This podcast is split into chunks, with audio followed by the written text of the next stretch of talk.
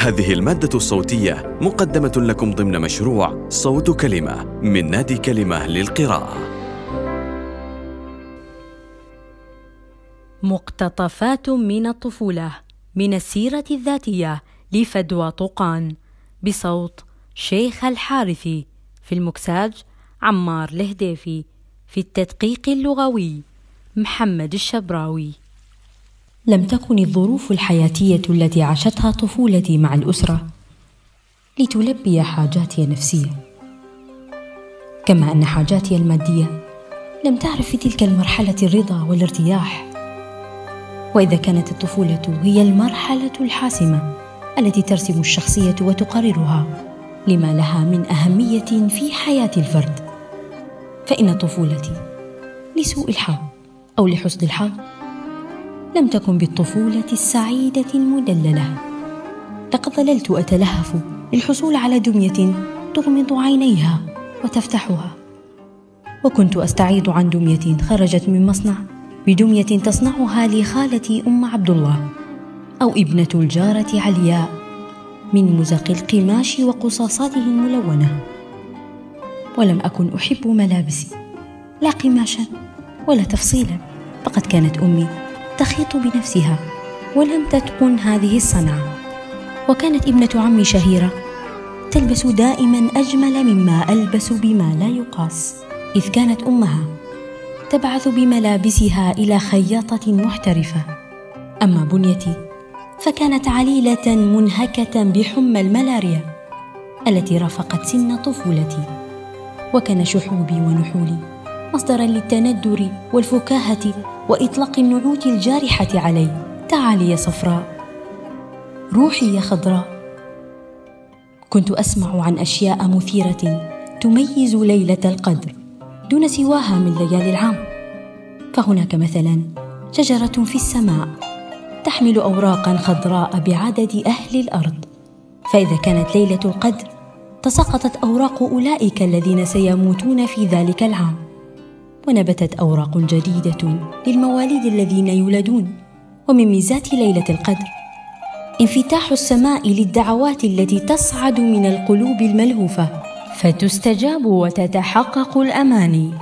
وهكذا كنت أنزوي في ليلة القدر عند ركن في ساحة الدار المكشوفة أو عند شجرة من أشجار النارنج وأرفع وجهي إلى السماء ضارعة إليها أن تجعل لخدي لونا جميلا. مشربا بالحمرة حتى يكف عن تسميتي بالصفراء والخضراء. فقد كانت تلك التسمية تجرح إحساسي إلى درجة كبيرة. كان ضعف شهيتي للطعام من ضمن أعراض ضعفي الجسدي العام. فلم أكن طفلة شرهة بحال من الأحوال. وهذا يذكرني بحادثة عابرة. ولكن كان لها وقع مؤلم على نفسي. فقد كانت تجاور دارنا واحدة من دكاكين عديدة تصطف على جانبي السوق القديم الذي يمتد من شرقي البلدة إلى غربها في خط طويل مستقيم. كانت تلك الدكان خاصة ببيع الحلوى والكنافة النابلسية. وقفت في ظهيرة أحد الأيام على آخر درجة من درجات بابنا الخارجي في السوق. أراقب مجموعة من النحل. كانت تحوم على صدر الكنافة المعروض أمام الدكان. كان النحل يحوم ويحط ثم يطير ويحوم مرة أخرى متنقلا على الكنافة من مكان إلى آخر. كان المنظر مسليا لي وكنت خالية الذهن من أمر الكنافة ولا أعيرها أي انتباه. ثم فوجئت بشقيقي الكبير. يسوقني من يدي إلى البيت. قال ونحن نرقى السلم. لا يليق بك الوقوف هكذا أمام صدر الكنافة. فإذا كنت ترغبين في تناولها أخبري أمك وهي تحقق لك رغبتك. نظرت إليه باستغراب. ولم أقل شيئا. لم أحاول أن أصحح ظنه الخطأ. فقد كنت دائما عاجزة عن الدفاع عن نفسي. فما يفترضه الآخرون. هو الصحيح لو كان خطأ. أو هذا ما يجب أن أسلم به. غير أنني شعرت في هذا الموقف بمهانة كبيرة. وطأطأت رأسي ونظرت إلى الأرض. وأنا حزينة أن يظن بي شقيقي صفة الشر. بينما الطعام على مختلف أصنافه. هو آخر ما كنت أفكر فيه. وذلك لوفرته في البيت الذي كان يعج دائما بالولائم. كنت أتلهف للحصول على شيء غير الطعام حلق ذهبي أو سوار أو فستان جميل ثمين أو دمية من دمى المصانع. كنت أتلهف للحصول على حب أبوي واهتمام خاص.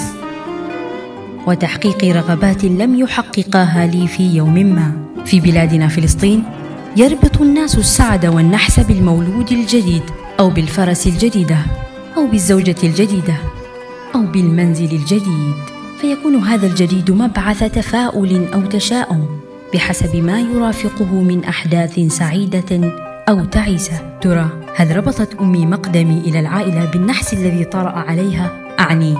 إبعاد الإنجليز لأبي إلى مصر منفيا عن عائلته ووطنه. لست أدري فقد يحدث هذا لا شعوريا فما أحب أن أظلم أمي ولكنها على أي حال لم تكن متفرغة لي ولا مشتاقة الي بل أسلمتني إلى صبية كانت تعمل في المنزل اسمها السمرة لترعاني وكان على أمي وظيفة إرضاعي فقط. في فترة الفطام كانت تأخذني السمرة لأنام معها في بيتها المجاور وقد روت لي فيما بعد كيف كان يكفيها حين أبكي أن تربت على كتفي وعلى ظهري وتهمس في أذني قائلة أنا السمرة أنت معي. فأكف عن البكاء مطمئنة لوجودي معها وفي حضنها وقد ظللت أحبها كما أحببت أولادها فيما بعد. وكانت قد أطلقت على واحدة من بناتها اسم فدوى. كثيرا ما سمعت أمي تذكر طرائف ونوادر عن طفولة إخوتي مما كان يثيرنا نحن الصغار فنضحك. وكنت أنتظر دائما أن تروي شيئا عن طفولتي نادرة أو حادثة طريفة طرافة الحوادث التي ترويها عنهم ولكن دوري الذي كنت أنتظره لم يكن ليأتي قط. فأبادرها بالسؤال وبلهفة الطفولة. احكي لنا يا أمي شيئا عني. ماذا كنت أفعل؟ ماذا كنت أقول؟ بالله احكي ولكنها لم تكن لتبل غليلي ولو بذكر طرفة تافهة. وأنكمش في داخلي وأحس بلا شيئيتي أنني لا شيء وليس لي مكان في ذاكرتها. هنا كنت أشعر بشعور غير مريح ولكني لم أكن أستطيع توضيحه إن المشاعر المؤلمة التي نكابدها في طفولتنا نظل نحس بمذاقها الحاد مهما بلغ بنا العمر. ومن الذكريات التي تركت في نفسي اثرا لسنوات غير قليلة ما يرتبط بذكرى ابنة عمي شهيرة. كانت تكبرني بأربع سنوات وحين ماتت في الرابعة عشر من العمر بمرض الروماتيزم لم يهزني موتها بل تلقيته بشعور حيادي كانت تعذبني بترفعها وتعاليها عني. ترشقني باستمرار بنظرات عدائية قاسية وقد نشأنا في نفس الدار والبيئة ولم أكن لأهتدي لسبب كرهها لي فقد كانت مدللة من قبل والديها. وتتمتع بالحب والاهتمام الذين ظللت أتوق إليهما في طفولتي. كان لها قرطان ذهبيان يتدليان على جانبي عنقها الأبيض. وكنت أحب حركة القرطين وهما يقصان كلما حركت رأسها. وكم تمنيت لنفسي مثل هذين القرطين البراقين الراقصين. ولكن هيهات فما كنت أحدا ليعنى بتلبية حاجاتي المادية. دعك من حاجاتي النفسية. كانت غرفتنا. تواجه غرفة زوجة عمي وبناتها الثلاث ولم يكن من تقاليد البيت أن ينام الوالدان في نفس الغرفة. فللأب دائما غرفة نومه الخاصة. أما الأم فكانت تنام مع أطفالها في غرفة أخرى. لم يكن يفصل غرفتنا عن غرفة زوجة عمي وبناتها سوى ساحة صغيرة مسقوفة تتوسطها. بركة تتدفق المياه من نافورتها وفي كل صباح قبل ذهابنا إلى المدرسة. كانت زوجة عمي تجلس شهيرة أمامها وتمشط شعرها الطويل.